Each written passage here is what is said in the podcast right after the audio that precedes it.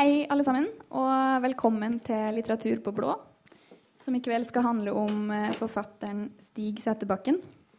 Navnet mitt er Tuva, er redaksjonsmedlem her i Litteratur på blå og skal bare kort introdusere eh, kveldens arrangement.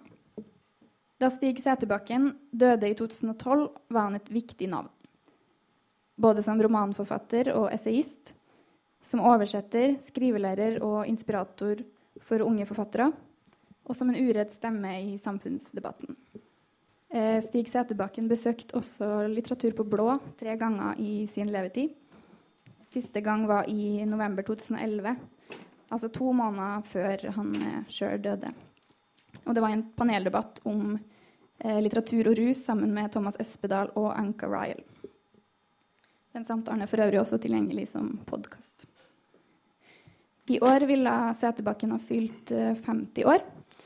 Eh, I den forbindelse så utgir Cappelen Dam antologien 'Alt menneskelig', en bok om Stig Settebakken. Og tidligere i høst så utkom også eh, boka 'Ikke noe av dette handler om meg', som er Settebakkens etterlatte manus med selvbiografiske notater. Vi tenkte derfor det var en eh, god anledning til å eh, arrangere en samtale om eh, iallfall ett av samtidas eh, viktigste forfatterskap. Og den samtalen her så har vi invitert eh, de tre menneskene som sitter her på scenen nå. Eh, Audun Lindholm, som er redaktør for eh, antologien, og også redaktør for tidsskriftet Vagant. Johan Harstad, som er forfatter eh, og har skrevet en tekst i antologien. Og samtalen ledes av Grete Fatima Syed, som i fjor holdt prøveforelesninga eh, etikk og estetikk i Seterbakkens Det onde øyet i forbindelse med sin eh, doktorgradsdisputas om Olav Duun. Hun har også skrevet et essay i det nest nyeste nummeret av 'Vinduet'. Denne samtalen vil vare i ca. én time. Eh, det blir anledning til å stille spørsmål etterpå. Og det er også muligheter for å kjøpe eh, bøker hos Ole i Cappelen, som står der borte, etter arrangementet. Eh, det er litt fullt eh, i lokalet her òg, så hvis eh, dere ser at det er mulig, så er det fint om dere trekker litt inn mot kantene her. Ja, men ellers er det utrolig fint å se så mange her. Da overlater jeg ordet til Grete og paneldeltakerne. Vel bekomme.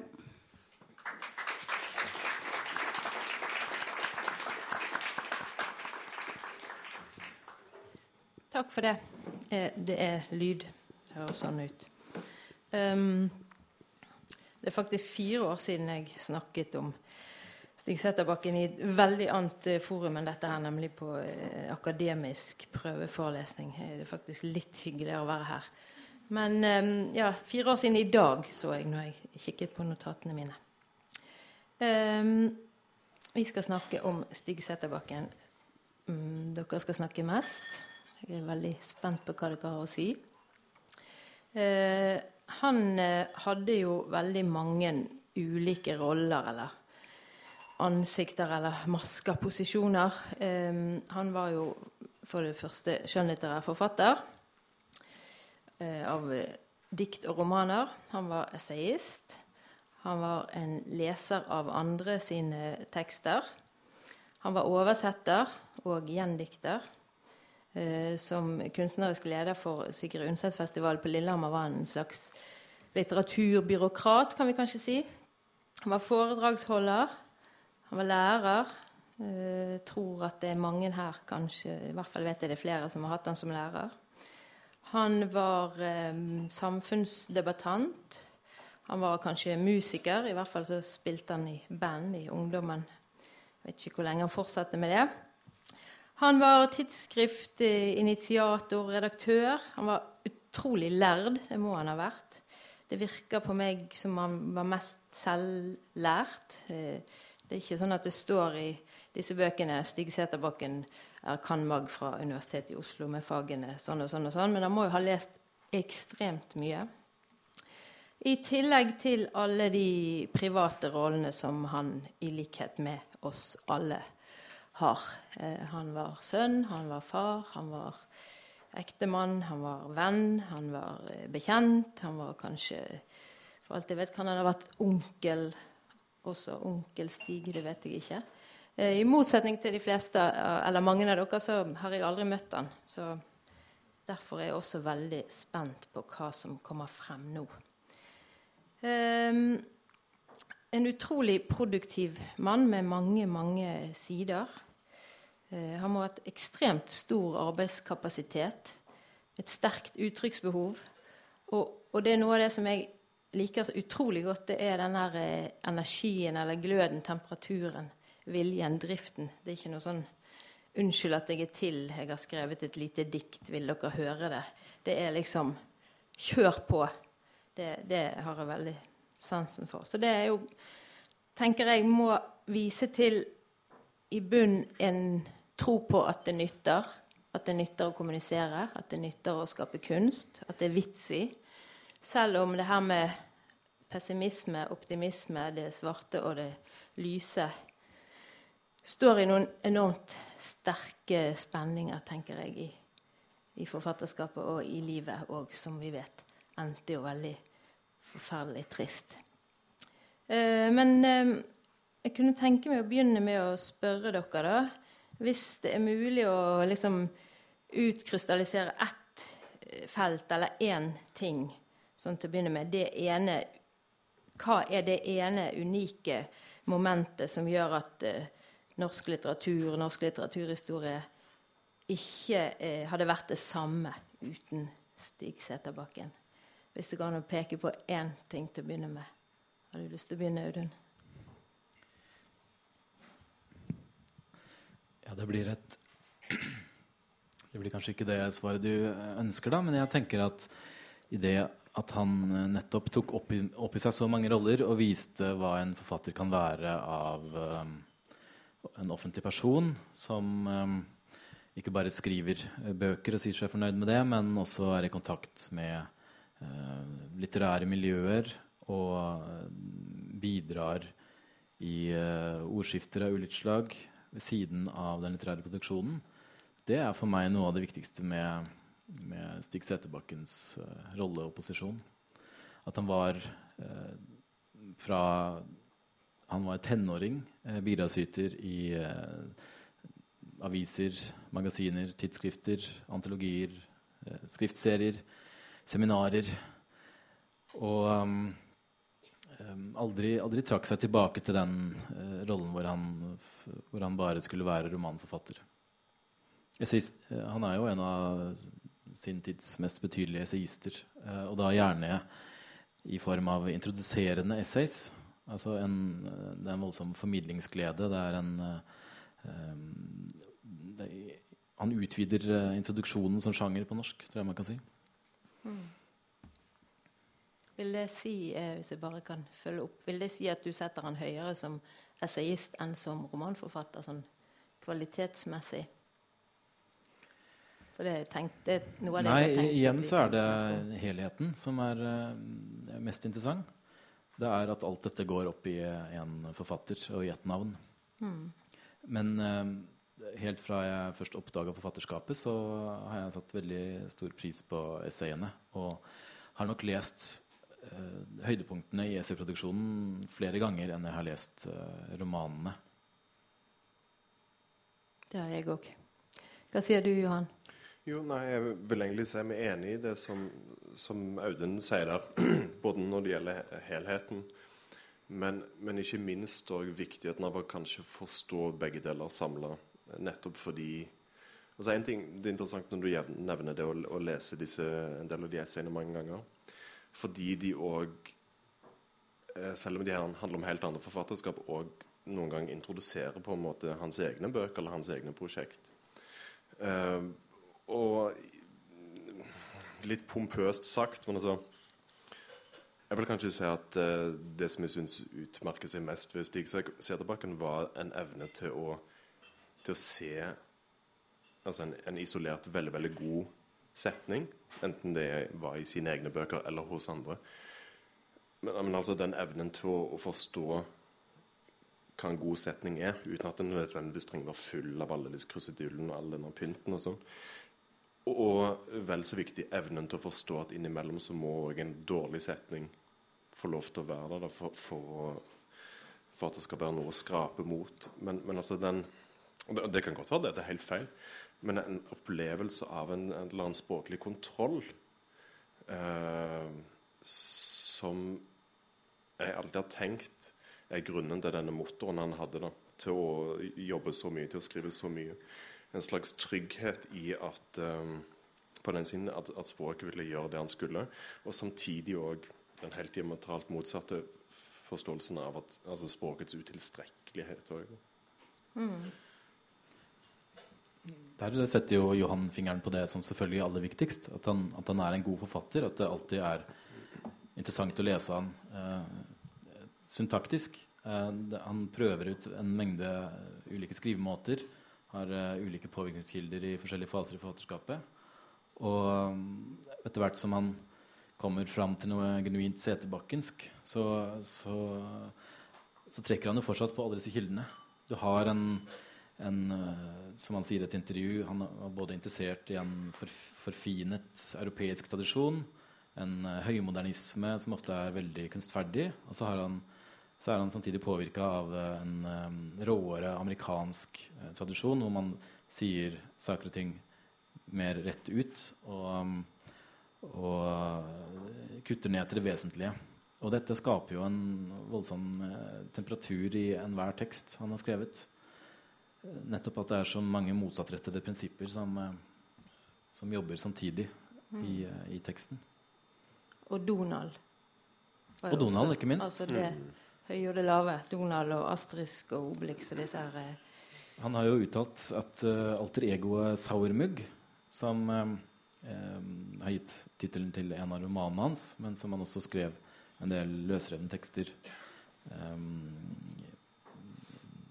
på vegne av, er uh, påvirket av Andeby.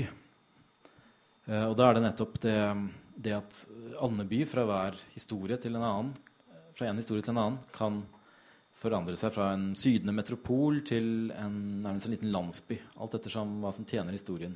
Og tilsvarende er Saurmugg en, uh, formbar, flytende identitet som, som alt ettersom hva studien kaller på, blir uh, tar form av enten en, en, agitator eller en dvelende melankolsk figur osv.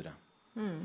Men også, hvis jeg kan henge meg på det òg bare som et frirom, tenker jeg. Dette kommer jo fram Man får se det i den dokumentaren uh, Stig Seterborgen skriver uh, 'Saumug'. Er det det den heter? Ja. Uh, når han da skal låses inn for å skrive den romanen egentlig på, på en ukes tid. Uh, og han liksom barrikaderer seg med et lite lass av Donald-bøker. Fordi eh, får man inntrykk av det liksom det eneste han klarer å lese mens han sjøl skriver. Altså, eh, ironisk nok at det ikke skal påvirke. Samtidig som man jo kan tenke at nettopp, det, mm. nettopp det de gjør, det er den friheten som det stoffet fins. Eh, med fare for å liksom gjøre et sånn hopp, men det kan man kanskje tillates òg. Uh, eh, og med fare for å kaste ut en påstand, men jeg leser jo òg en helt klar uh, sammenheng mellom, mellom Donald og, og, sluttsekvensen i 'Gjennom natten'. Eh, der man har denne altså julaften, da Eh, eller jule-adventtiden som går igjen og igjen og igjen. Eh, som jo er um, Det finnes en sånn Donald-film som pleier å vises på julaften. Der Ole Doldoffen ønsker at det var jul hele året. Og så havner de nettopp inn i det marerittet der. Da, for det, mm. det ikke ble jul. Hvorvidt det er en sammenheng, det vet jeg ikke, men det er en interessant Det kan være en interessant tilfeldighet, ja. men jeg syns det er litt fint at det fins denne ja, han, han, skriver jo også i et essay, et sent essay om Tor Ulven, som han nok hadde mye til felles med, men uten å skrive særlig mye om han, at uh, de største pessimistene er det, også de største humoristene. Og det er jo flere av tekstene hans ja, hans uh, veldig gode eksempler på. Vi allerede har vi vært innom mange av de. altså Optimisme, pessimisme. Du sier når ønskedrømmen blir Eh, realisert sånn, som en permanent tilstand, så blir det et mareritt i julaften hele året. Og det her med humoren, latter, gråt, eh, alt dette. Det er, helt, eh, det er nesten vanskelig å sno seg og tenke noe som helst uten å havne i noen sånne paradoks. Enten veldig sånne antitetiske motsetninger. altså Misantropen som elsket mennesker er jo et av disse korte snuttene, disse aforismelignende uttalelsene eller formuleringene hans. Um, så det er Det gjør det jeg tenker det gjør det veldig, det gjør det veldig takknemlig å lese, fordi det er så det, det, er hele tiden temperatur. Du får hele tiden disse utrolig gode formuleringene, utrolig rett på, tatt på kornet. Ikke noe snikksnakk, ikke noe snillisme og pynt. Men det gjør det òg litt vanskelig å snakke om det, fordi det kan nesten bli sånn floskler. Ja, vi, det, det, litteratur egentlig handler om, det er å, å, sette ord på noe man ikke kan sette ord på. Det er jo selvfølgelig sant, men, men det, vi, vi, kan ikke liksom bare si det. Men um, men hvis vi prøver å kretse oss litt inn på hvordan ser en typisk eh, Seterbakken-tekst ut? Hvordan, hva kjennetegner en typisk Seterbakken-roman, hvis det fins noe typisk da? Og et typisk essay, hvis vi kan beskrive noen egenskaper ved det? Jeg vil jo si at det var uh, i og med de tre romanene som senere blir kalt uh, S-trilogien, at han fant uh, den typiske seterbakkenske formen, som er monologen. Det er alltid en jeg-fortelling. Og hvor måtene fortelles på, og fortellerens tvil og selvavbrytelser og sin egen måte å, å, kommentere den måten det tenkes på og fortelles på i teksten, er veldig viktig. Mm. Og dette er på sett og vis en hyre enkel form. Samtidig som den ta, har tatt opp i seg så mange av de problemstillingene som den moderne fiksjonslitteraturen, romanlitteraturen, eh, har uh, bala med. Altså, noen, eh, noen omtalte Sauermugg som en blanding av, Donald og Beckett. Mm. Og det, det er uh, godt sett. Er, for du har Becketts stadige reduksjon, tvil, eh, undersøkelser av hva det vil si å uttale noe i det hele tatt. Og så blandes det med en eh, lettsindighet og en, en eh, lekenhet da, som er nærmere slapsticken i, i form. Og etter estrologien så, så, er det jo stort sett jeg-fortellinger. Eh, også når de nærmer seg andre romankonvensjoner enn en monologen, så, så, er det alltid det at det, det er en um, temperatur i selve fortellerposisjonen som mm. gjør det uh, engasjerende å lese. Mm. Og det er jo altså, sånn som du er inne på med den med S-trilogien, for jo, altså, så mange tenker det at det er et slags markant skifte der.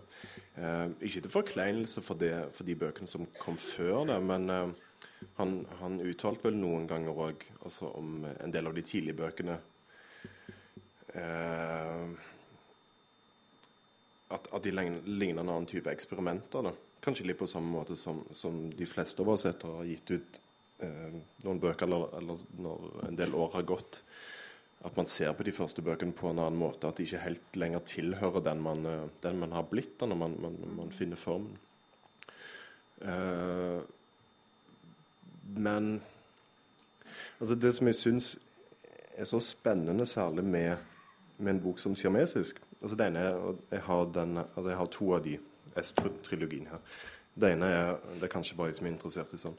Men jeg liker òg hvordan de ser ut. Altså De har denne veldig mm. veldig enkle eh, uttrykket. Um, og, og um, trilogien går jo òg fra bildet av Stig på baksida av siamesisk og maleri av alter ego, altså Saumug alter ego på, på det tredje bildet.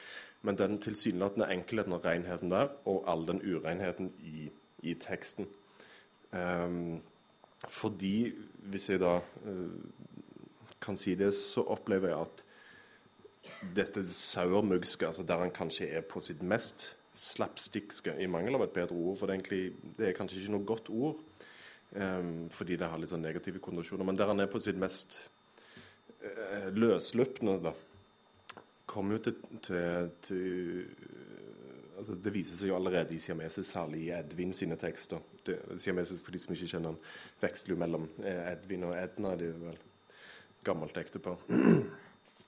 uh, og så finner disse tekstene, tenker jeg da, sin mest løslupne form i Saumug. Og så ser man det igjen senere, kanskje i, i 'Kapital', som var vel den romanen han ga ut etter Saumug i 2002 eller 2003. Um, der i tillegg til denne slapstykken òg fins et helt annet sinne, tenker jeg. eh, et helt annet sinne enn det man kanskje kan se i, i en, den, hans store roman 'Det nye testamentet'. F.eks. som som har dette sinnet eller denne litterære aggresjonen pakket inn i uh, mye mer handling, mye mer ting, rett og slett, elementer. Mm. 'Kapital' er jo en altså, på mange måter en utforskning av hva en roman kan gjøre med et uh, så enkelt utgangspunkt som mulig. Det er Konrad Ofting, en en, en, mann som har gått konkurs, som holder en forsvarstale i retten. Og da har man ikke engang mulighetene i introspeksjonen som du har i de andre monologene. For han, han snakker offentlig. Og han har ikke oversikt over hva han vil si. Han, han, han dveler ikke. Det er en, en, lang rekke utbrudd. Det er utladning etter utladning mm. i, i, i en monolog. Nå er vi kommet til det litt ekle punktet i programmet, der jeg er nødt for å være litt kritisk. Um, jeg tror det er min rolle som en uh, akademisk en anemisk akademisk er et ord som Stig Sæterbakken bruker et sted. Nei da, jeg, skal ikke være akademisk, for det, det, er jeg ikke. Men jeg skal være litt kritisk mot denne monologformen. For gjør, er ikke det å gjøre det litt enkelt for seg? Um, jeg har jo um, Jeg må jo bare si det som jeg kanskje allerede har antydet, når jeg leser de romanene, så føler jeg meg litt overkjørt.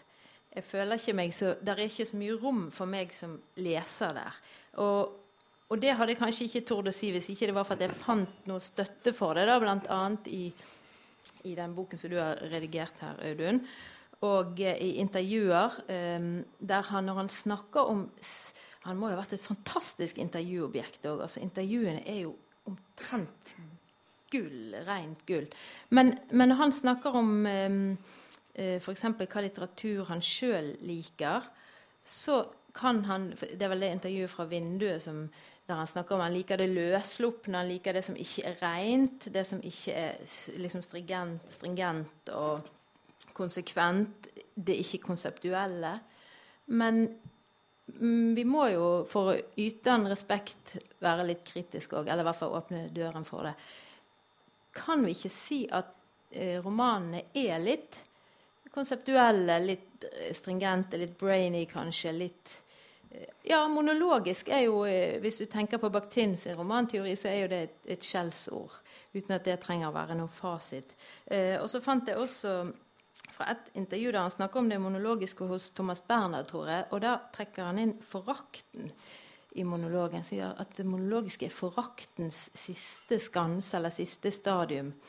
Eh, og For meg går det et veldig skille der. Jeg blir litt sliten av den monologformen. Mens i essayene, som vi da kan gå og snakke mer om, eh, føler jeg at der er det så mye rom for meg. Der kan jeg få tenke med, jeg kan få liksom svare.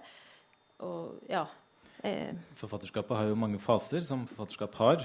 Og i en periode så har han vært veldig opptatt av å utforske denne ene talen. Da. Han har f.eks. skrevet et essay i Morgenbladet, som aldri er uh, gjengitt i bokform, om um, lesebrevskribenten Olav Øverbø i Gudbrandsdølen Dagningen, som har tittelen den, 'Den siste skrivekaren'. Og der uh, løfter han da fram denne gamle einstøingen som klager på absolutt alt. Alt var bedre før. Ingenting er som det skal. Men i det minste så kan man sette seg ned ved skrivebordet og sende et leserinnlegg til avisa. Og um, det essayet er fylt av uh, herlige spyttformuleringer av, av uh, hva den enslige, trassige personen kan, kan møte en, uh, en, verden full av motstand med. Og um, det tilhører den perioden som på vis, sett og vis kulminerte med Kapital. Og, og seinere så fant han jo andre skriveformer som, som er uh, mye roligere og, og mer plottbaserte, eller um, hvor romanstrukturen uh, spiller en større rolle. Men noe av grunnen til at han var så interessert i denne enkle romanformen, er jo bl.a. at han skrev en roman som heter 'Nytestamentet', som er et uh, slags primeksempel på norsk jord på en en um, postmoderne pastisjroman, som det er blitt kalt. Vil si han, han siterer nærmest uh, hele litteraturhistorien. Det er ulike uh, stilistiske nivåer. Det er um, Teksten er kalkert over forskjellige forbilder uh, for hver fjerde side. Og um, denne eksperimentelle formen som, som var uh, som, som, hadde store ideer og tankekart til bunn og strukt, skjulte strukturer osv., den, uh, den har han altså, som han har rapportert om i flere intervjuer, erfart innenfra, og den ville han bort fra. Og, og resultatet av det var estrologien. Um, så, så, så, så, den problematikken er på sett og vis innbakt i forfatterskapet. Han har, han har reflektert løpende over den. Mm. Og det bør, det bør, jo nevnes og tenke at uh, Det nye testamentet ble jo en, i hvert fall en kritikermessig havari i Norge. da. Mm. Den, fikk, den farte jo bedre i, i, i enkelte andre land. Men uh, og jeg sier det for jeg tror det òg var en viktig grunn kanskje til å rydde bort en del av det vedhenget som kanskje fulgte med veldig mye av, av den norske og den europeiske 80-tallslitteraturen. Mm. Og kanskje det òg ble et insentiv til å gå mot det mye renere. Um, det er veldig mye å si til det du sa. Jeg tenker at altså, jeg rykker jo litt med en gang, vel vitende om at det er, aldri, det er aldri lett å skrive en bok, enten den er sånn eller sånn. Altså til og med en bok om, Så lenge det ikke er blanke sider, så er det ganske vanskelig. Uh, når det er sagt, så er det ikke til å komme unna at den formen, særlig den raljerende, altså den sinte gubben på haugen, eh, den åpner for ganske mye, for den type tekst tåler det meste, kanskje. I hvert fall utgangspunktet. Men der òg syns jeg nok det er, ikke, det er, ikke, der jeg har lyst til å liksom, ta han hvis jeg skal ta han på noen ting. For jeg syns det han gjør så godt Men da kan du få ta han på det du har lyst til å ta han for. Jo, men jeg har lyst til å si det, det først, i hvert fall, som er det at jeg syns det han klarer med disse bøkene, er å holde igjen. Altså, for Det hadde òg vært mulig å lage f.eks. Saumug som en 500-700 siders mm. roman. altså Man kunne bare kjørt på med dette. her. Men han klarer å holde det altså Du brukte ordet stringent, og jeg mener det her som er ganske i, i mest positiv forstand.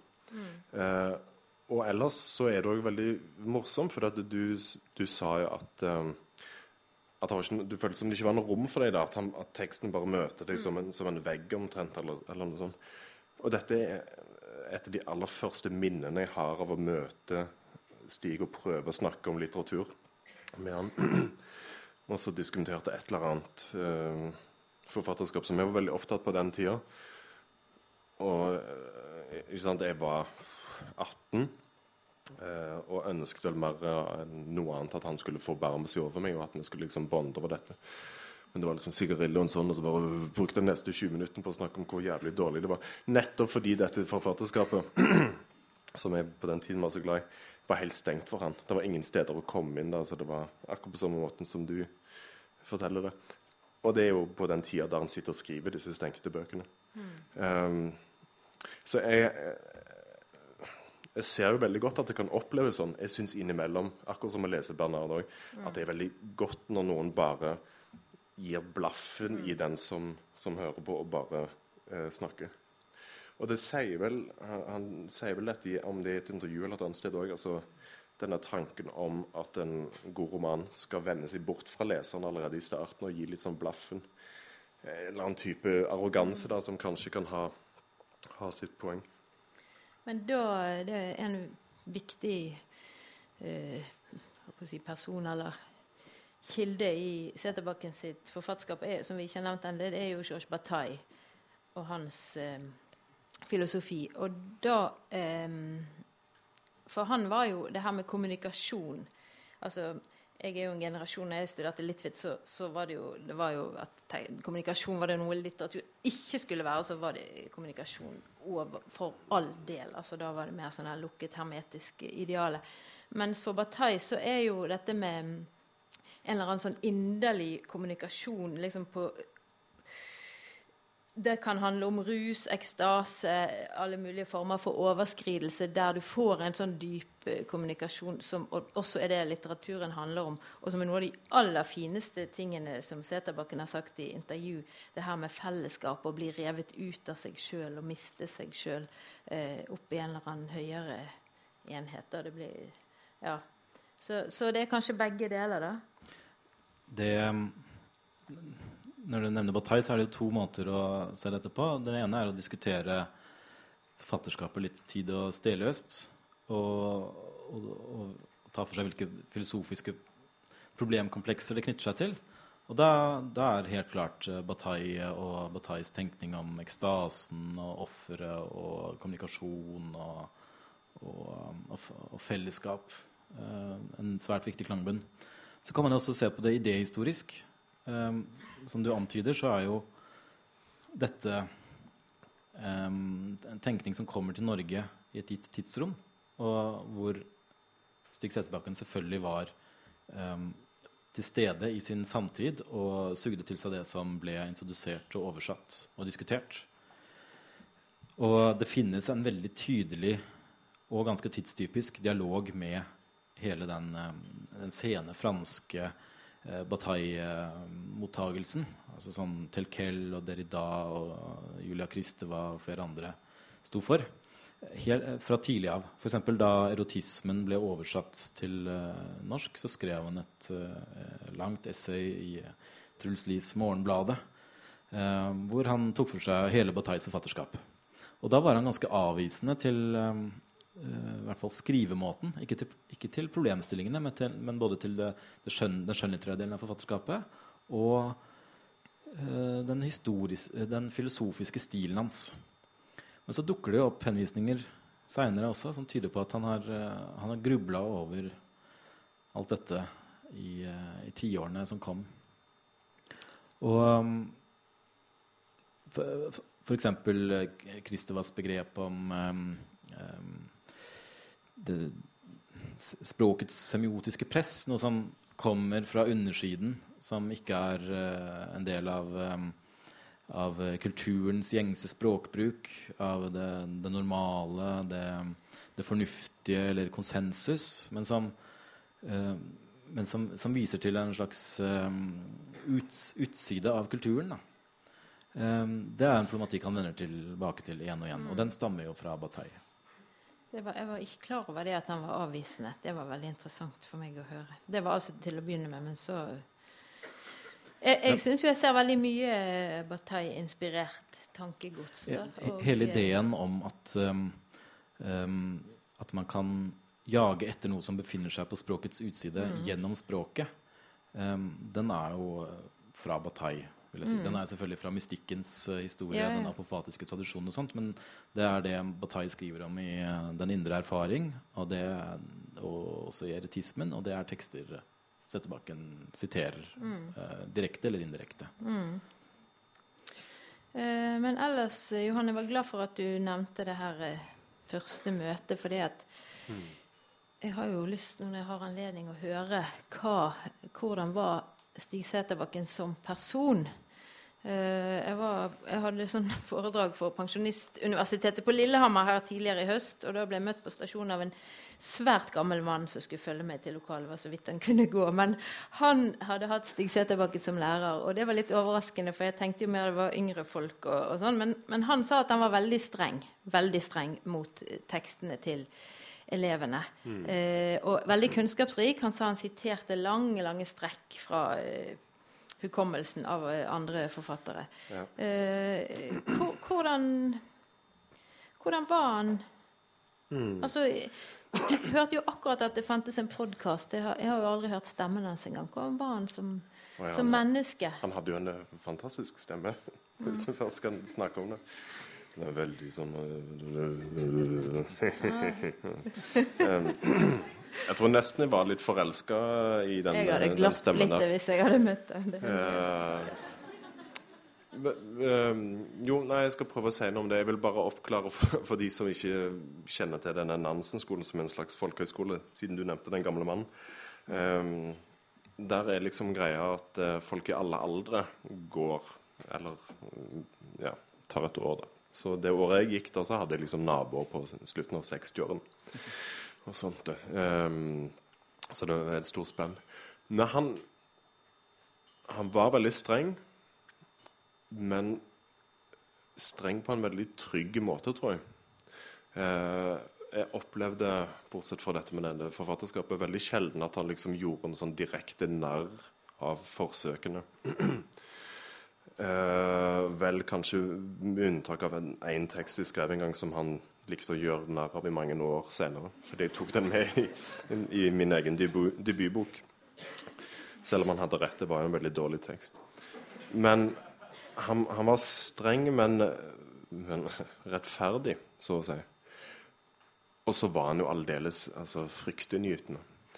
Og hver 18 Dette, dette var i, i 1998-99, så det var det andre år han fungerte som, eh, som lærer på Nansen-skolen, som skrivelærer. Og det var vel det første året der han egentlig ble altså, hovedlærer. Fordi han, han ramla litt inn i dette fordi skolen ikke hadde helt orden i sysakene sine. Så prøvde han vel bare å, å redde oss alle ved å ta, ta, den jobben. Så det er jo kanskje det mest imponerende med det året, at han, han lagde jo veldig mye av dette opplaget mens, mens det pågikk. Altså Han må jo ha jobba med dette om kveldene, og han, han dukka jo opp med Han var jo så forberedt. Han var, altså, han var forberedt inntil det hysteriske. Eh, og én ting er at han kunne mye av disse forfatterskapene han snakket om fra, fra før. Men, men, alle disse liksom, sånn plansjene og skissene og, og, måten han la det frem på, og den viktigheten, tenker jeg, den, den viktigheten han klarte å liksom, innprente i oss av disse forfatterskapene. Og, og mye av det var jo altså sånn særlig for en, for en uh, eh, 18-19-åring, enormt vanskelige ting. altså Prøve å komme inn i liksom Claude Simons historie, f.eks. Mm. Eh, eller Tristam Shandy og de, de, tingene der. Det er jo Og ja, Montanis essay og sånt. Han hadde alle disse, disse punktene. Og så klarte han å dra oss akkurat langt inn til at vi nesten trodde vi skjønte det, og så slapp han oss løs der. Mm. Istedenfor å gå det siste stykket og forklare det liksom tvers igjennom. Det er det, det, er det jeg tror skiller en, en, eh, en, middelmådig lærer fra en veldig god lærer. Mm. Uh, når det gjaldt tilbakemelding sånn rent på tekst, så syns jeg det er vanskeligere å si noe sånn konkret. Um, men kan du se spor i din egen skriving? Har du lært noe som kan du, Når du jobber nå? Har... Ja, altså Ene, altså, du skriver jo ned i ditt eget bidrag. Ja, altså frykten Ja, ja minn meg gjerne på det, men det, det, er vel den frykten som uh, Som er hovedgreia der, da. Uh, frykten for å skrive et eller annet som ikke skulle liksom nå opp til hans standard på et eller annet vis. Og igjen det som var noe av det første vi sa i kveld, altså forsøket på å prøve å i hvert fall ta hver eneste setning på alvor. Ehm, men som, som, jeg skriver denne teksten òg Jeg ble plutselig usikker på hva du refererte til, men han um, han ga oss jo alle et sånn felles harehjerte. Altså, vi, vi, var jo veldig engstelige etter å ha hatt han. Fordi på den ene siden så, så, var det en mann som Jeg hadde jo aldri møtt noen som elska litteratur så inderlig som han før. Som kunne alle disse tingene. Og han, altså han, og han var jo på oss framsto jo belest inntil det, inntil det, grusomme. Og samtidig så hadde han jo denne Han hadde jo all den redselen òg. Og nå tenker jeg altså sånn en, en redsel for litteraturen. Det er det eneste jeg kan forholde meg til, egentlig. Uh, men en redsel for, for, litteraturens konsekvens, på en, måte, på en måte. Og hvor mye som sto på spill hele tiden. Mm. Uh, det, det, var harehjerte jeg, jeg tenkte på. Ja. Og um, uh, noe jeg og Johan snakka litt uh, om underveis i arbeidet med, med, hans bidrag, var det at uh, på den tida da vi møtte Stig første gang, mm. jeg møtte han året etterpå, tror jeg vi har regna oss fram til, så var, jo han um, tre-fire år yngre enn vi er nå. Ja. Og det er veldig underlig å tenke på. Mm. Uh, når man tenker på den, det alvoret og den kunnskapen og den samvittighetsfullheten på vegne av litteraturen som et sånn kollektivt erkjennelsesprosjekt som han la for dagen. Ja, man, kan bli litt deprimert av å tenke på det. Ja, det er jo Jeg prøver ikke å tenke det er jo det som er håper å si, baksiden. Da. Man kan bli deprimert både av å tenke på det og av å lese. Og jeg syns jo disse etterlatte skriftene er Det er jo utrolig hjerteskjærende trist, mye av det. Altså, det er så inntil beinet. Det er den fortvilelsen som er helt um, umaskert. Eh. Ja, det vil jeg protestere mot. Eh, så, Seterbakken var jo alltid en veldig sterk tilhenger av um, Tor Ulvens devise om at i kunsten får man lidelsen tilbake som form. Og den er ingenting annet enn oppbyggelig og gledelig. Men blir du ikke berørt? Blir du ikke lei deg når du, når du leser et Når du liksom ser rett inn omtrent i hjertet på et jeg som, som har det så vondt, som har, som har, så mye fortvilelse, og det brenner, og det er, det er liksom Dette går ikke. Dette går ikke. Nei, snarere er det jo en stor trøst i at uh, det finnes andre mennesker der ute. Og, man, og det oppstår øyeblikk av forståelse. Noen sjeldne øyeblikk av forståelse. Men ikke fortvilelse. Dette er veldig ja, Man kan møtes i fortvilelsen. Eh, det er, fall, det er, i hvert fall det eh, Stig selv skrev i essay etter essay. At det er en eh, slags eksistensiell løftelse eller lettelse i det å, i å få møte lidelsen som bearbeida form. Da. For da det, tross alt, det ligger en mestring i, det, i kunsten som, som rå, den rå desperasjonen ikke har.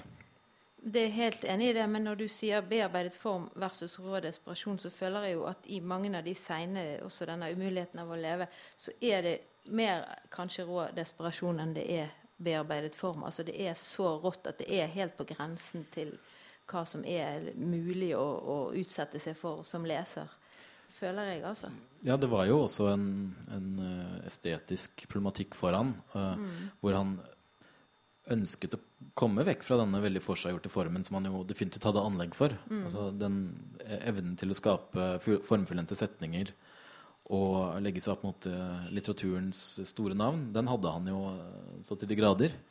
Og flere av de mer sånn direkte manifestaktige essayene hans dreier seg jo egentlig om å, å, prøve å finne en råere form og gi litt slipp på den, den um, hangen til beherskelse og mm og mestring. Eh, og der er han en, også en forløper for uh, ja, ja. f.eks. Uh, Knausgårds ideer om at litteraturen først oppstår i det øyeblikket du ikke vet hva det gjør.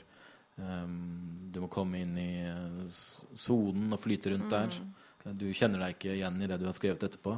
Det, er da du har skapt litteratur. Mm. Og så er det jo som um, Walter Benjamin vel sier i denne sørgespillboken, at uh, latteren og sorgen og smerten og komikken er jo to sider av altså det er fòret og utsiden på samme kappe. Og det er, er, det jo noe som er notorisk vanskelig å snakke om, så er det jo humor og komikk. Men vi kan i hvert fall være enige om at uh, han skriver jo også hysterisk morsomt. Um, og um, siden det er så vanskelig å snakke om, så fant jeg noen utsagn her fra boken din. Der Svein Jarvold sa at han hadde kjent Stig Seterbakken i 20 år, men bare hørt han le tre ganger. Cirka. Og da når han lo, var han helt alene. Altså De som hørte han le, var på en måte bare tilskuere.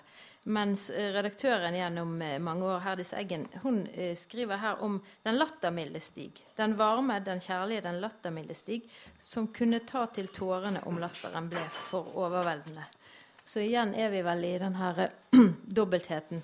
Og jeg må jo si at i denne ikke noe av dette handler om meg som er, som er um, da etterlatte skrifter, så er det jo noen hysterisk morsomme passasjer, bl.a. om hvis jeg kan bare bruke litt tid på det, ulempene ved å ha forfattere som venner. Så dere som ikke har debutert enda, eh, pass dere i vennekretsen. For da går han altså gjennom eh, at man skulle tro det var et fortrinn, men det viser seg at det er eh, sitat vel i tilfelle på samme måte som man i en gitt situasjon kunne tenkes å dra fordeler av en smittsom lungebetennelse. For da legger han ut i det vide og det breie om hvordan man eh, må lese disse forfattervennene sine bøker. Og ikke bare lese de, men komme med tilbakemeldinger. Som i utgangspunktet selvfølgelig helst skal være positive, men etter hvert som man eh, drikker og svinger noen begere, så går det litt sånn eh, det, det, var et høydepunkt, syns jeg, i denne. Um, men um, jeg tror kanskje du han, har funnet noen ja, Jeg skal ikke selge inn dette som sånn kjempemorsomt. Jeg syns det er veldig morsomt, men jeg skal ikke selge det ja, nei, Det trenger ikke være morsomt, men det kan være jo, greit bare, å få litt høre jo, Ja, men det var litt apropos det jeg tenkte på når um, Dette er en liten greie for å se om det er bare en, uh, en halv side. Da jeg var 14, spilte jeg trompet. Jeg husker ikke om det var med eller uten min fars velsignelse. en mann jeg har glemt navnet på, han kalte seg musikklærer på et skilt han hadde hengende over dørklokken, presset en metalltrakt ned i kjeften på meg og sto helte i vann mens han skrek inn i øret på meg at jeg fikk se å blåse litt hardere. Jeg husker han som svært lite pedagogisk. Var jeg heldig, fikk jeg til en noenlunde balanse mellom det som kom inn og det som kom ut, men noen trompetist ble jeg aldri. Vår musikklærer hadde stor sans for represalier. Det skulle ingenting til for å overbevise ham om at spanskrøret måtte fram. Han slo oss mens vi spil, spilte. Vi hikstet inn i trompetene. Da, slo oss, da slo han oss enda mer fordi vi ikke spilte rent. Hans mål var perfeksjon. Vi skulle bli de beste trompetister denne verden hadde hørt. Enten det eller ingenting. Dere er noen talentløse snørrunger, pleide han å si for å oppmuntre oss. Helvetes apekatter, dere kommer aldri noen vei. Han lo av oss når vi gjorde hva vi kunne for å forbedre oss. Han ble rød som en hummer i ansiktet. Så hermet han etter oss. Han rev instrumentene fra oss og spilte som en galning, skjærende falskt. Han oppnådde sannsynligvis det han ville. Det ble ikke musiker av noen av oss. Nei, det ble vel ikke det.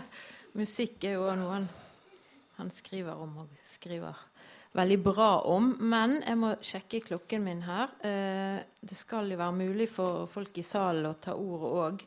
Eh, men før vi slutter, så må vi litt tilbake til det vi begynte med, syns jeg, da, med det her samfunnsengasjementet, seisten, refseren.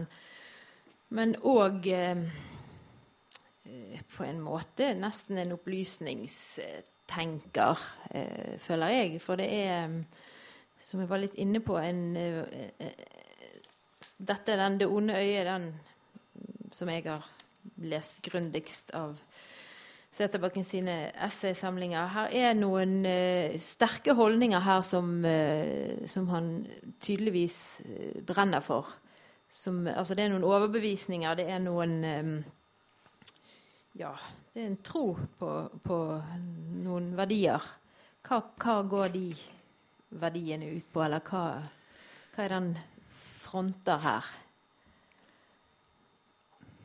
Oftere så syns jeg vel snarere det, det, dreier seg om å utfordre de verdiene og holdningene man måtte ha. At, uh, han sier at litteraturens oppgave er ikke å befeste uh, oppfatninger, meninger, men å sette spørsmålstegn ved dem. Og så tvil. Det kommer jo veldig tydelig til uttrykk i uh, essayet om Peter Hantke og hans mm. uh, reportasje fra Serbia, hvor han uh, mener at Peter Hantke går for langt i sin, i sin kritiske granskning av Eller sin alternative historieskrivning til medienes um, framstilling av hva som skjedde på Balkan. Eh, men hvor han samtidig sier at det er dette som er forfatterens oppgave. Å, å utfordre de, de, de offentlige altså de, de, de, offentlig godkjente versjonene av, av historien. Um, Snu seg som værhan, bare motsatt vei, skriver han. Istedenfor å bli med vinden, så skal man til enhver tid innta den diametralt motsatte Og, og den, den holdninga merker man jo stadig vekk. Uh, den kommer til uttrykk i eh, det lille og det store. Um, litteraturen er ikke der for at vi skal uh, stadfeste et uh, fellesskap eller, uh, eller bli gladere på vegne av en, av en, fortelling som allerede er etablert. Den skal, den skal alltid være rusk i maskineriet, for å si det med en, en metafor Stig selv aldri ville ha, ha brukt. Hvorfor ikke? Den har opprykt. Rus rusk i maskineriet. Ja, fordi det er en klisjé. Det er en klisjé. Eh, han fører jo et, et klisjéfritt språk i essayene. I romanene derimot så er det veldig ofte en, um, en veldig begeistra bruk av uh, faste vendinger. Ja, idiomer. Jeg... Fordi for, det er noe som, av det som skaper det språklige overskuddet. At, han, at, at fortellerne hengir seg til en masse uh, konvensjonelle uttrykksmåter som de nærmest står og sånn, får inntrykk av at de de, um, de, de, blir opphissa av, av, å bruke dialektale eller, eller uh, forlorne uttrykksmåter. Uh, sånn, kapital for eksempel, er jo stappfull av faste uttrykk som har falt ut av bruk. Og Det er noe av det som gjør den så morsom. Mm. Jeg ville bare legge til det, det, til det du sa nå, at Jeg syns kanskje noen av de tingene altså når, det gjelder, når det gjelder den der litt sånn stå på barrikadene-delen av Seterbakken og, og spørsmålet om Hanke og Serbia og de tingene der. at Innimellom der så kan jeg synes det er vanskelig helt som leser uh, å vite hva jeg skal tenke om det. Uh, og Her er det igjen med fare for at jeg overanalyserer, men jeg synes innimellom er det vanskelig å vite hvor mye av dette handler om en ren, altså en, en veldig sterk hankefascinasjon. Hvor mye av dette eh, handler om liksom Stig Seterbakken som litt sånn punk. Altså sånn Man kan lese både i, i noen av essaysamlingene hans og i, eh, i antologien her òg om, om, hans musikalske ungdom ikke sant, i bandet Grå og de tingene mm. der. De skulle være veldig sånn eh, mot alt. Jeg syns innimellom det er vanskelig helt å vite hvor, hvor, mye av dette skal jeg ta for god fisk, eller, eller hvor mye uh, Hvor mye tror jeg på det, vil jeg egentlig si. da. Mm. Og fordi at jeg kanskje ikke alltid syns at det der analysen er som skarpest. Samtidig, hvis vi for eksempel, altså siden vi først åpner det, så, så, blir det rart å ikke nevne det som alltid nevnes eh, når det gjelder Seterbakken, de tingene der som er den der David Irving-saken mm. på Lillehammer. Der han sto i bresjen for å invitere eh, holocaust-fornekteren. Eh, og der er det òg mange, mange ting. Det er en egen time å snakke om der som vi ikke skal, skal ta nå. Eh, men der opplever jeg han kanskje som renere, da. At, at, det var mer hans eget produkt. Og, og, der, og det er jo òg gjengitt i, i hvert fall det ene intervjuet med Åmås i antologien. altså Det der forferdelige nederlaget, kanskje, eller svik òg, som man opplevde mm. ved å plutselig bare stå helt alene i det mm. der fordi at festivalen eh, fikk kalde føtter og trakk invitasjonen. Og det som han sier i et intervju som, som, jeg husker jeg skammer meg over den gang, og skammer meg over nå òg, som, som, en av hans kolleger, det at han sa hvor, hvor er forfatteren? Mm. Altså, han ventet jo på at forfatteren skulle komme og redde han. Og så kom alle disse forfatterne på banen, enten det var Tor Renberg eller Lars Saabye eller uh, Roy Jacobsen eller hvem enn det var. Og alle tok den andre sida. Alle ville liksom mm. eh, boikotte festivalen og sånn. Det igjen, altså til det kjedsommelige repetert dette med faren for å overanalysere, men i, i, hvor stor grad det kan ha Jeg tenker selv hvor mye det vil ha gitt en følelse av virkelig virkelig stå alene. Da. At her, det, det er jo ikke vits å gå inn i disse tingene, fordi at med mindre du er helt bastant i den ene eller andre retning, mm. hvis, hvis, du ikke har lov til å åpne for den tvilen, da, så går det ikke an å åpne kjeften i det hele tatt. Og, og det tenker jeg var et det var et sjelden tilfelle av at noen bare lukka munnen hans og sa nå, nå sitter du stille i båten og, og, og holder kjeft. Jeg syns det, det, var et veldig veldig sørgelig kapittel. Da. Noe vi ser mer og mer nå i de sosiale medienes era, er jo at folk syns det er så utrolig viktig å bekjentgjøre for verden hva de mener om det ene og det andre. Uh, man samles i uh, moraliserende kor eller i gråtende kor, alt etter hva som skjer uh, lokalt og globalt.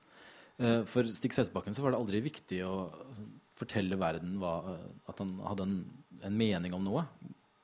Han har riktignok skrevet det ene essayet om en lesebrevskribent. Men nå er det som om hele offentligheten er blitt sånn besatte lesebrevskribenter hvor man, man, skal fortelle verden hva man mener hele tida. Um, mens uh, Stigs essays dreier seg om um, å stille, stille spørsmål og, og, så tvil der hvor det råder konsensus. Og altså, det verserer jo uh, ideer om, uh, om Irving-saken uh, som tilsier at han, altså, at han, det, han er, var på Irvings parti, nærmest.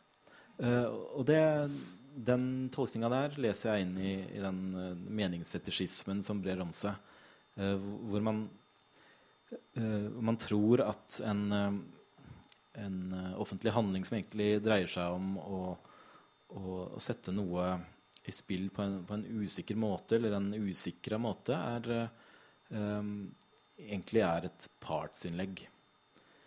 Uh, han har jo uttalte jo i intervjuer for eksempel, at han, han hadde lest de to Irving-dommene, og den ene var han enig i, den andre var han uenig i. Så han, eh, Seterbakken var selvfølgelig ingen holocaust-fornekter. Og det var ikke Nei. det som var saken. Nei, det, det, poenget må vel være rett og slett det der med å være kontrær. altså.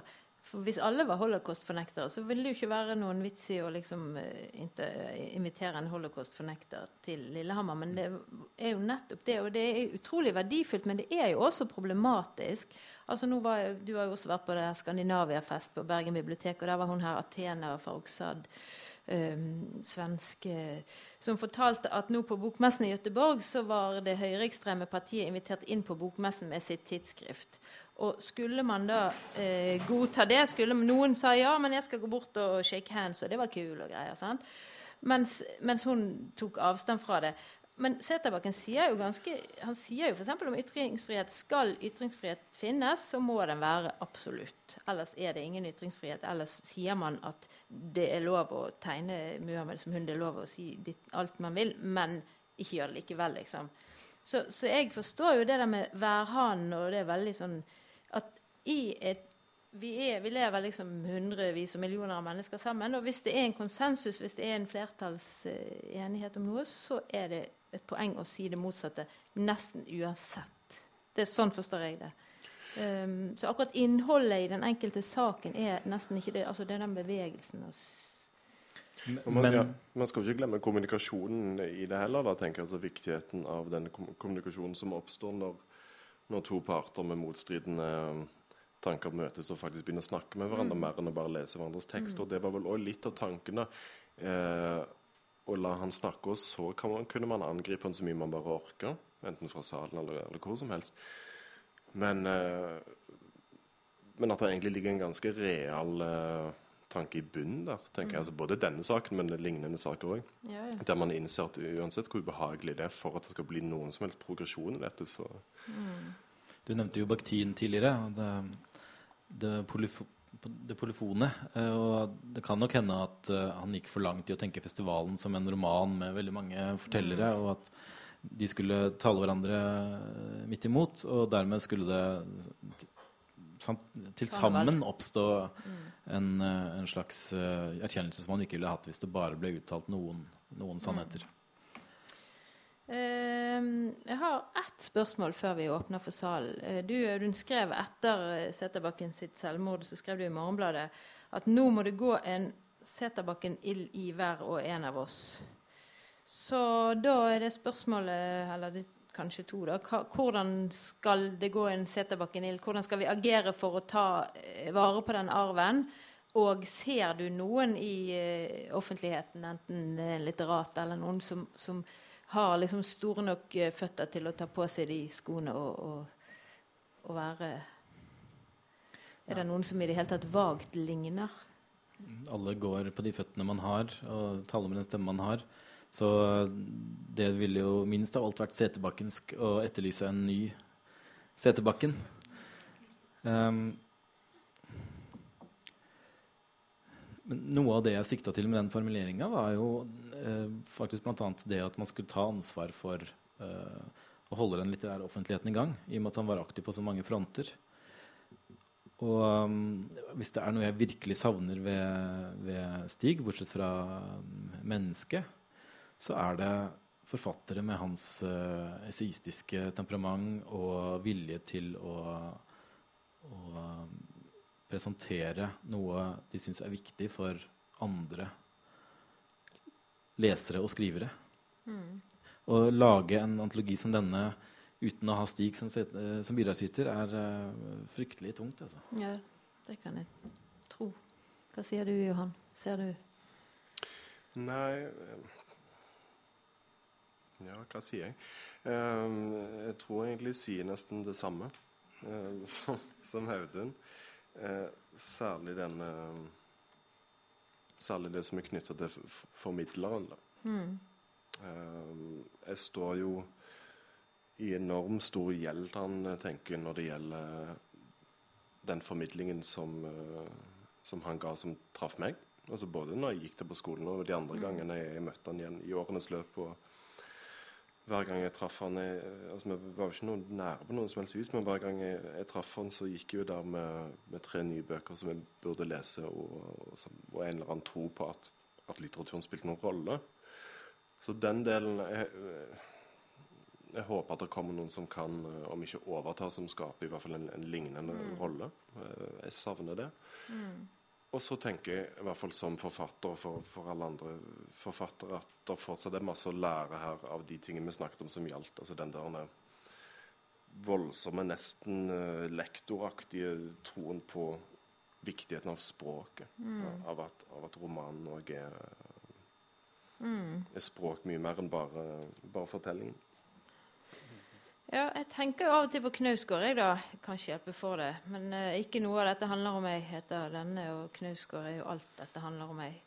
Pluss at Knausgård brukte 300 sider på å skrive om Hitler, men her er det et knallgodt essay på åtte, så kanskje ti, eller I hvert fall eh, snakker om vår tid og meningstyranni. Tid har vi jo ikke så mye av, så kanskje åtte sider om Hitler her. Det er jo en interessant påpekning du gjør der. For ganske mye av det eh, Knausgård har gjort, finnes det eh, såkorn eh, til hos Seterbakken. Eh, Seterbakken begynte å publisere selvbiografiske notiser, notater eh, på slutten av 90-tallet. 99 eller 98. Og eh, da var det kanskje da var det, da var det et tabubrudd å gjøre det. Eh, nå er eh, de samla notatene kommet ut, eh, og nå oppleves de som eh, som sterke tekster, men, men som selve handlingen å skrive den typen tekster er litt mindre radikal i dag. Kanskje hvis de hadde kommet ut ti år før, så ville, så ville dette blitt oppfatta som et uh, verk som åpna opp noen nye veier for samtidslitteraturen. Men det har jo gjort det for de som har lest disse tekstene i, i tidsskriftene. Og du skal ikke se bort fra at Knausgård har gjort det. Og eh, Knausgårds essaysamling 'Sjelens Amerika', tittelessayet der er en eh, lesning av mysterier, hvor han, Hamsuns mysterier, hvor han går imot eh, konsensus. I hvert fall er det mange som mener at eh, Hamsuns mysterier er eh, en av forfatterskapets beste romaner. Jan Kjærstad for eksempel, har jo skrevet om det. Eh, men der, der, han, der baserer han hele essayet på at dette er en Hamsun som vet for godt hva han gjør. Han dyrker en irrasjonalitet som er utstudert. Og den grunntanken finnes eh, helt eksakt formulert i et, S, i et intervju som Jon Erik Reilly og Nicolai Frobenius gjorde med Settebakken i 1998. Det finnes mange sånne eksempler. Nei. Eh, Det er selvfølgelig ikke bare de to. Det er jo det, eh, det, det det er å være et språklig og litterært Mm. kollektiv. At man hele tida setter tanker i sirkulasjon som kanskje får sin blir realisert på en mer drastisk måte et annet sted. Men, men det, Og det er verdt å noe med det der kontrære, tenker jeg, og liksom Kjør på. Men da skal vi eh, åpne for salen. Eh, nå vet ikke jeg, Tuva, om eh, den mikken skal gå rundt, eller du, Vil du ha denne? Jeg så det var en hånd her nede i sted, men så forsvant den for meg igjen. den forsvant i Å ja, OK. vil eh, spør, spør, stille spørsmål, så kan de komme fram hit, kanskje, og snakke i mikrofon. Ja.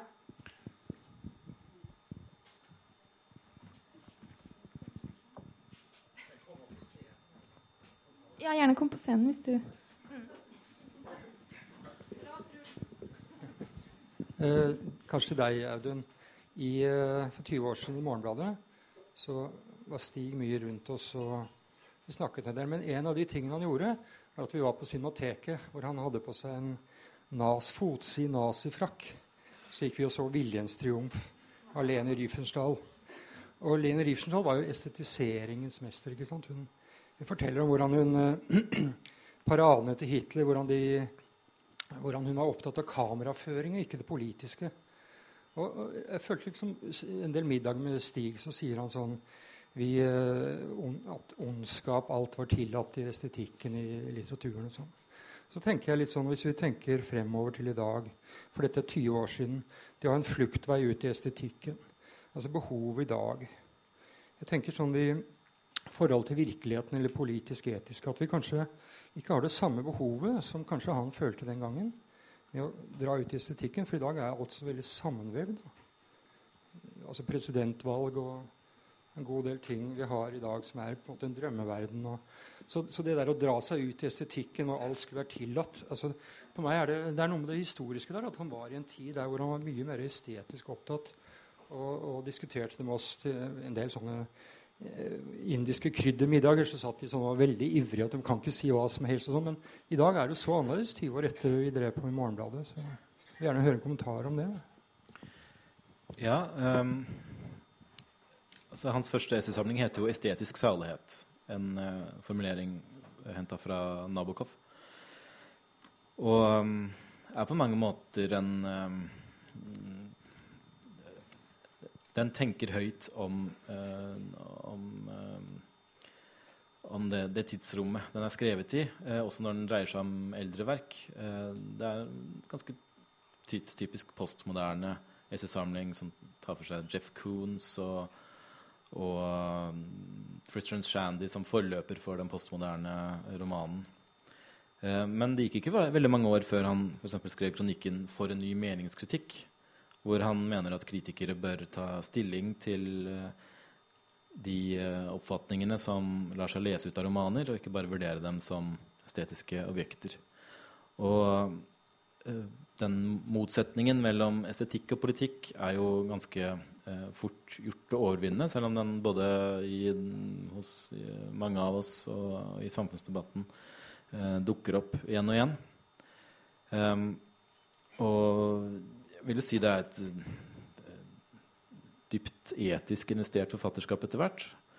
Um, men selvfølgelig med tidens stempel på seg i de ulike fasene. Og, og det var noe av det som var fascinerende med å jobbe med denne boka. Å grave seg ned i uh, hans eget uh, klipparkiv og de tidsskriftsnumrene han har bidratt til. Og se hvordan uh, tiden og individet spiller mot hverandre og påvirker hverandre begge veier hele tida.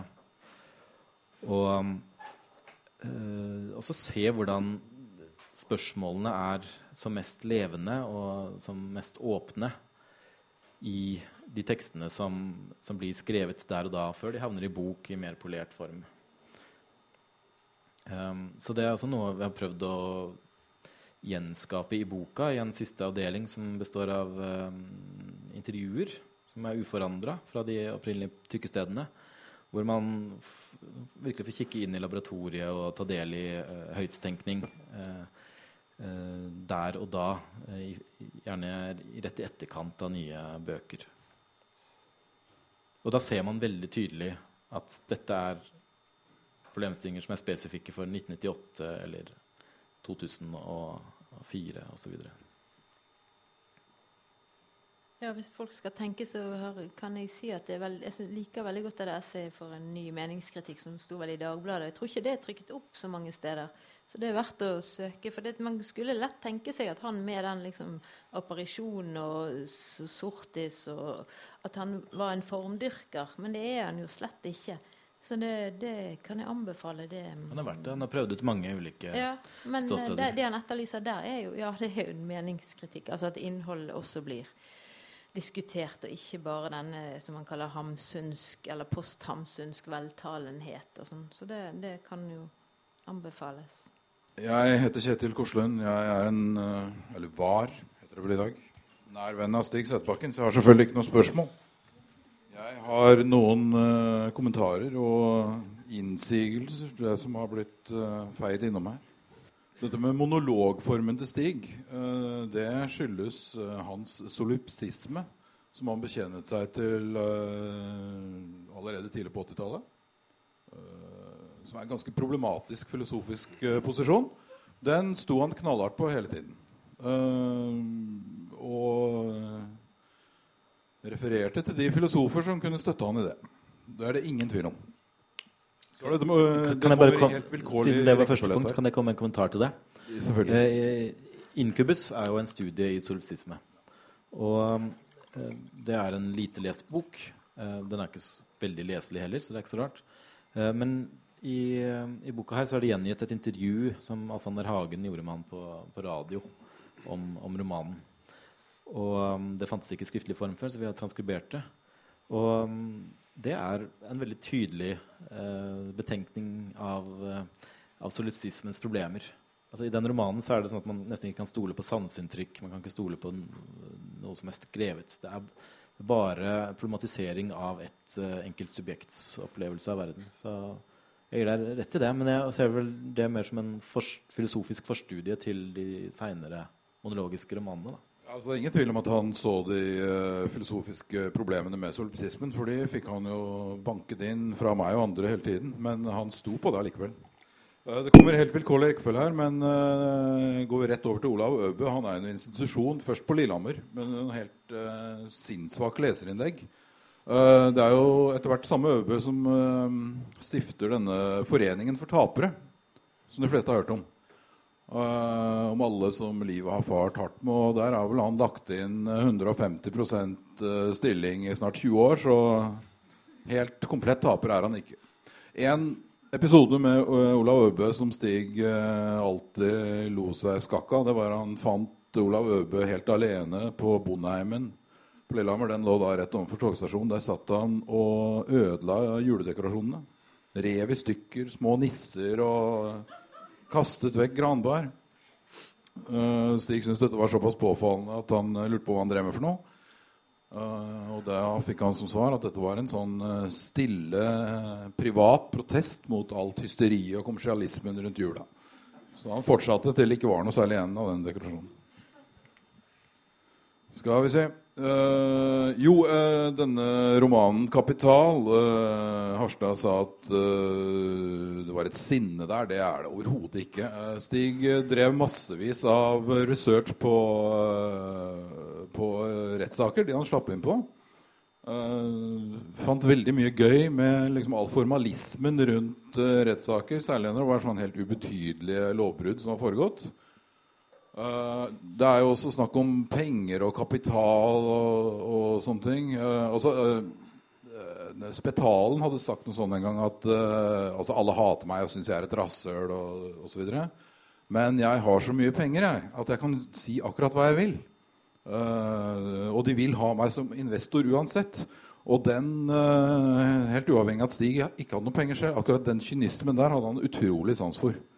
Og at det er en komedie. Det er bare å bla frem den der scenen hvor det beskrives uh, Det er noe frossenfisk på tilbud i den der butikken som Konrad Ofting er fullstendig klar over går til helvete. Hvor det er altså rullator uh, Formel 1-race mot denne disken. Uh, så det, denne må leses mer sånn Balzac-aktig også. Dette er en menneskelig komedie. Ofting er fullstendig klar over at det går til helvete, at han er en komisk figur som tiden løper fra. Det nye testamentet er en total tragedie av en roman. Altså Han hadde bygd opp forventningene så til de grader på den. Det var blåst opp uh, overalt. Han hadde gitt meg helt klar uh, beskrivelse av hva prosjektet var. Jeg skal ikke gå inn på det, men uh, han ble jo tatt ekstremt hardt. det satte han ikke pris på. Det tok han veldig tungt. Etter hvert gikk det opp for han at den romanen var komplett mislykket. Og de senere årene på Lillehammer så sto alle bøkene til Stig i hylla på stua. Ikke den. Den var borte. Så det er ingen grunn til å lete etter så veldig mye gull i Det nye testamentet også. Um, det hans uh, kone altså det, Ja, det kommer jeg på nå. Uh, det var en uh, telefonsvarebeskjed som Elisabeth uh, Sunde lagde, som de lagde jingla på Radio Rakel. fordi da sier hun noe sånt som Ja, god dag, du har kommet til Stig Settebakken og hans kone. Hvis du har noe å meddele til Stig Settebakken eller hans kone, så er det bare å legge en beskjed her. Uh, det var hun som fortalte Stig at nå må du slutte med disse grandiose planene. Du må skrive mye mindre. Og så bare trekk det ned. Skriv om en ubetydelig person som sitter i et lite rom. eller noe sånt. Og det er jo det han gjør med Saumug-trilogien. Og Ofting er jo tilsvarende type. Kan jeg, jeg hører ikke så veldig mange korreksjoner. Det, jeg synes du bekrefter mye av det som er blitt sagt. Ja, men og... Eh, det kommer mer. Hvis jeg får lov. Okay. Kan jeg smette inn en kommentar mens du, mens du blar? Eh, til korrekturen. Um, jeg har ikke noe imot det, mot det, du sier, men jeg tenker at det som er fint med litteratur, enten det gjelder Kapital eller Det nye testamentet, er at som leser så står man alltid fri til å, til å lese inn det man ønsker i det. da. Så om vi sier sinne eller foruretterhet, så tenker jeg ikke at det er Seterbakkens, men at det er karakterens. Og når det gjelder Nye testamentet, så uh, jeg er ikke noe glad i den boka, men det er viktig allikevel å, å, tenke at helt uavhengig av hva Stig Seterbakk måtte mene om den boka etter den var gitt ut, så er det fortsatt en bok som sikkert folk, enkelte, vil kunne få mye verdi Men Jeg tenker Det er viktig å anerkjenne det òg, mer enn å på en måte stå litt som, som du sier, liksom, fordi at han har sagt at den var mislykka, så er det en verdiløs roman. Jeg ser den er mislykka fordi jeg leste den og syntes det var en drittbok. Ja, men, men, du er jo ikke, ikke eneste. Det, det, er min rett å mene det når jeg leser den. Ja, ja, ja. På en måte som at du kan fantasere om at noen kommer til å få noe ut av den. Selvfølgelig er det sånn. Dette har jo alle lært på litteraturvitenskap. Er men er den førte til eh, essayet 'Hitler en metafor fra Tyskland'. Ja, som Grete nevnte, det som er glimrende. Det er et veldig godt essay. Mm. Så det er på sett og vis tankeinnholdet kokt ned. Han sier noe veldig interessant om det, for det var vel Øystein Rottem som slaktet den. Og, og, det han sier om litteraturhistorieskriving der, er også verdt å ta med seg etter disse intervjuene som er, som er gjengitt i boken. Mm. Det jeg hadde tenkt å si til å begynne med, som jeg glemte, det er at også, i og med at eh, Stig var en veldig viktig forfatter og tok selvmord før han eh, var 50, så er det veldig lett å legge ansikt i sånne ettertenksomme epigone folder. og liksom, ja, alt, Det er noe sånn dypt i alt, og han var jo så mangt. og sånt. Eh, Stig var veldig mye. Eh, skrev veldig mye bra, og så skrev han en del ganske dårlig. Og det var en del ugjennomtenkte ting han gjorde. også. Det vil han garantert si seg enig i. F.eks. denne Irving-saken. Jeg mener hans beste essay er oppsummeringen av Irving-saken året etterpå. Der hvor han begynner med Sherlock Holmes osv. Det er et helt fantastisk essay. Uh, Irving-saken vet jeg veldig mye om. Det var et rent helvete. Der uh, Stig visste uh, hvor kontroversielt det var. Han gjorde alt formelt riktig. Så til de grader. altså Han gikk en ekstra runde med administrativ leder og så videre, før han sendte den mailen til, til Irving. Uh, han har innrømmet at han gjorde én taktisk feil, og det var å gå ut uh, altså når temaet for festivalen ble lansert, å gå ut med Irving. For da ble det misforstått som at Irving skulle være en slags hedersgjest eller hovedtaler. Og det var ikke meningen. Meningen til Stig var at det skulle vise Nå skal vi virkelig vise at vi tar dette temaet på alvor ved å invitere, uh, ved å invitere Irving. Som for øvrig ikke er noen holocaust-benekter. Det er jo veldig kjekt at folk sier det, for da har du jo overhodet ikke satt seg inn i saken. Da vet man det. Det Stig ikke hadde fått med seg, det er at uh, denne Lipstad-saken det er en symbolsk kastrering av Irving. Altså, tidlig på 90-tallet er det veldig mange, også norske historikere, som henviser til Irving uten problemer. Bortsett fra at de fikk fure på nakken. Uh, og Irving er jo fremdeles en viktig historiker når det gjelder de ledende nazitoppene osv. Det er bare å lese Kershaws biografi. Men uh, sånn i offentligheten etter Lipstad-saken så det, uh, går det bare ikke an. Det hadde ikke Stig fått med seg. Så derfor ble det jo øh, ganske Ja, alle vet jo hva som skjedde. Masse, det som Grunnen til at Stig trakk seg, det var at det var så mange viktige forfattere som sa at de ville boikotte festivalen, at han skjønte at øh, for ikke å ødelegge festivalen, så måtte han trekke seg. Og Det var et grisespill uten like. Jeg kan nevne ett eksempel. Fure og Sigrun Slapgard de uh, kukkelurte og fikk Sigrid Undsets 91 år gamle niese på scenen. Og dette ville Sigrid aldri ha guttert. Altså den type manøvreringer.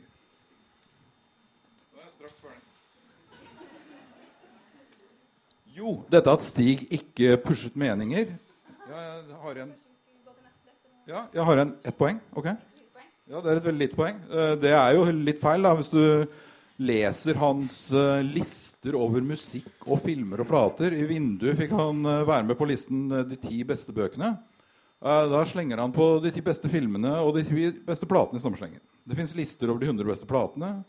Finnes, altså, han har et ekstremt behov for å formidle sin begeistring. Og mener faktisk at den begeistringen har en overføringsverdi. Det er ikke noen tvil om. Og en uh, Sæterbakken-bekjent som Pål Norheim sa jo allerede i 1991 så vet jeg husker, at uh, ja, Sæterbakken han kunne jo gitt en antologi som het 'Manifester i utvalg'. Det var 1991. Takk for meg.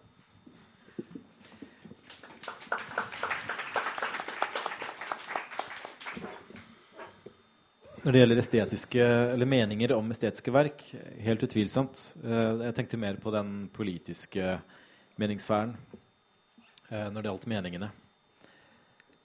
Og uh, Irving-saken Han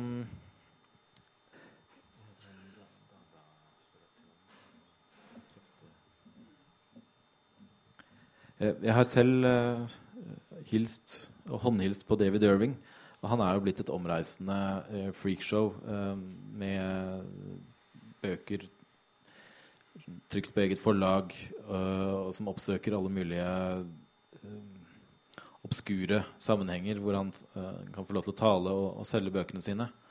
Um, så jeg nekter å tro at Stig ikke hadde fått med seg hans, hans, fall. Men selvfølgelig, han, er, han, han, har vært en seriøs faghistoriker og er blitt brukt Blitt sitert også av norske historikere. ja.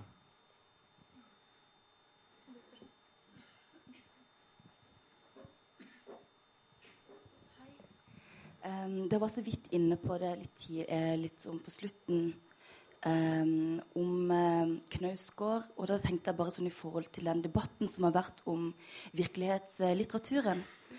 Og uh, mitt spørsmål er uh, sånn i forhold til Jeg er dypt forelsket i hans sine romaner og lurer på om Hvis det kan sies at hans romaner er, har et snev av selvbiografi, og da tenker jeg kanskje spesielt på 'Gjennom natten' og det som vi har vi vet jo alle i dag at han tok sitt eget liv.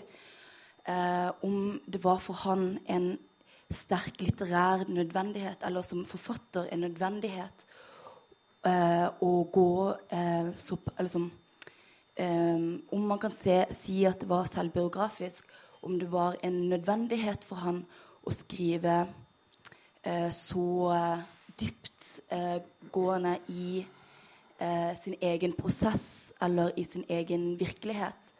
Uh, og da være oss, at det var en nødvendighet som forfatter, at det var, vikt, at det var vikt, noe viktig for han. Uh, og ja, å utlevere eller gå så inn i sin egenhet i sitt forfatterskap. Det er spørsmålet. Ja, det selvbiografiske vet jeg ingenting om. Jeg vet ikke engang om han hadde en sånn av-på-knapp i nakken. Men jeg har hørt at han hadde det. Men eh, vet, vil dere si noe om det? Jeg tenker at vi i hvert fall skal være litt forsiktige der. Unnskyld. Med å uh, gå den ene eller andre veien der. Um, selv om det fins en ekspert i huset òg, så syns jeg vi skal være litt, litt, forsiktige med det. Så det eneste jeg tror jeg har lyst til å si om det, er kanskje det at det er i hvert fall en, en kjensgjerning at litteratur er ganske dårlig egnet kanskje til å gi den sånn katarsisfølelsen som man noen gang innbiller seg at den har mens man skriver den.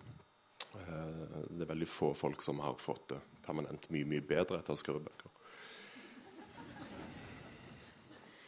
Jeg har, jeg har, aldri klart å interessere meg for det selvbiografiske. Det må jeg bare innrømme. Eh, det er noe med det der forholdet eh, Det, det blir veldig Altså, det blir jo noen floskler. Alle bruker selvfølgelig sitt eget liv uansett hva de skriver. Men eh, om det er noe sånn én-til-én-forhold mellom faktiske ting som har skjedd, og ikke på noe sånn ytre plan, det, det Jeg har bare ikke den muskelen som skal til for å interessere seg for det. Og jeg vet ikke noen ting om Seterbakkens ja. liv. Eller? Men uansett så tenker jeg at det blir i hvert fall for oss da, et umulig spørsmål å svare på all den mm. tid Eh, vi verken kan spørre hva var, hva var alle disse beveggrunnene for å gjøre de forskjellige valgene, eller for å skrive den historien og skrive den på den måten, og, og skrive den så hard for eksempel, som den er som tekst. og sånn. Men uh, så Sånn sett er det kanskje ja, Det, det er kanskje rett og slett bare viktigere at den enkelte leseren går hjem og kjenner på og tenker på hva, hva de er, hvorfor er det spørsmålet viktig, f.eks., og hva andre spørsmål er der. og uh, men det er jo en, en klassisk lesemåte i eh, i, hvert fall blant samtidige lesere da, at man når noe så drastisk skjer, som skjedde med Stig, så, så begynner man å bruke det som den eneste lesebrillen. Uh, den rumenske filosofen Cioran sier det om Heinrich von Kleist, at uh, det er som om selvmordet går forut for bøkene hans. Og det er jo kategorisk feil. For det er avslutningen, det er ikke inngangen. Og jeg tror man skal vokte seg veldig for å bruke det som uh, lesenøkkel. Eh, også helt pragmatisk ut fra hva man vet om hvordan eh, 'Gjennom natten' ble til, så er jo deler av boka basert på et manus fra en, eh, en bok som ikke ble, ble ferdig eh, flere år tidligere. Så um, um, Man bør ikke uh, gå inn, inn i verket på den måten, etter min mening. Og det i, i, boka her, vi, altså, som jo rommer veldig mange ulike typer lesninger av uh, verket, så har vi vært veldig påpasselige med å, få altså, avgrense noen uh, problemstillinger for hvert essay. Uh, noen motiver i, i bøkene. Og um, også for flere av dem sin del avgrense tidsrommet. Sånn, ikke vis til seinere tekster i lesningen av tidlige tekster. Prøv å få en som mulig en, um, en, en samtidig betraktningsmåte. Mm. Uh, for det er noe med et forfatterskap Når det lukker seg, så er det også som om lesemåtene lukker seg. Mm. Og det, det, er veldig synd. Ja, det må vi prøve å unngå. Det må ikke skje. Um, skal vi la det være siste ordet? Gå hjem og les, og ikke lukk, men åpne. Boken er til salgs, det kan jeg si, for jeg har ikke noe mer å gjøre. Takk for oppmøtet.